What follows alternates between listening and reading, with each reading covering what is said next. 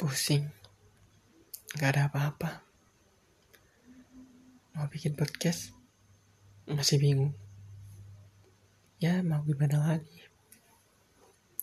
Tapi mungkin tanggal 23 podcast baru dan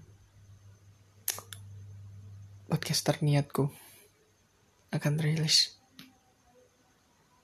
Tunggu aja ya.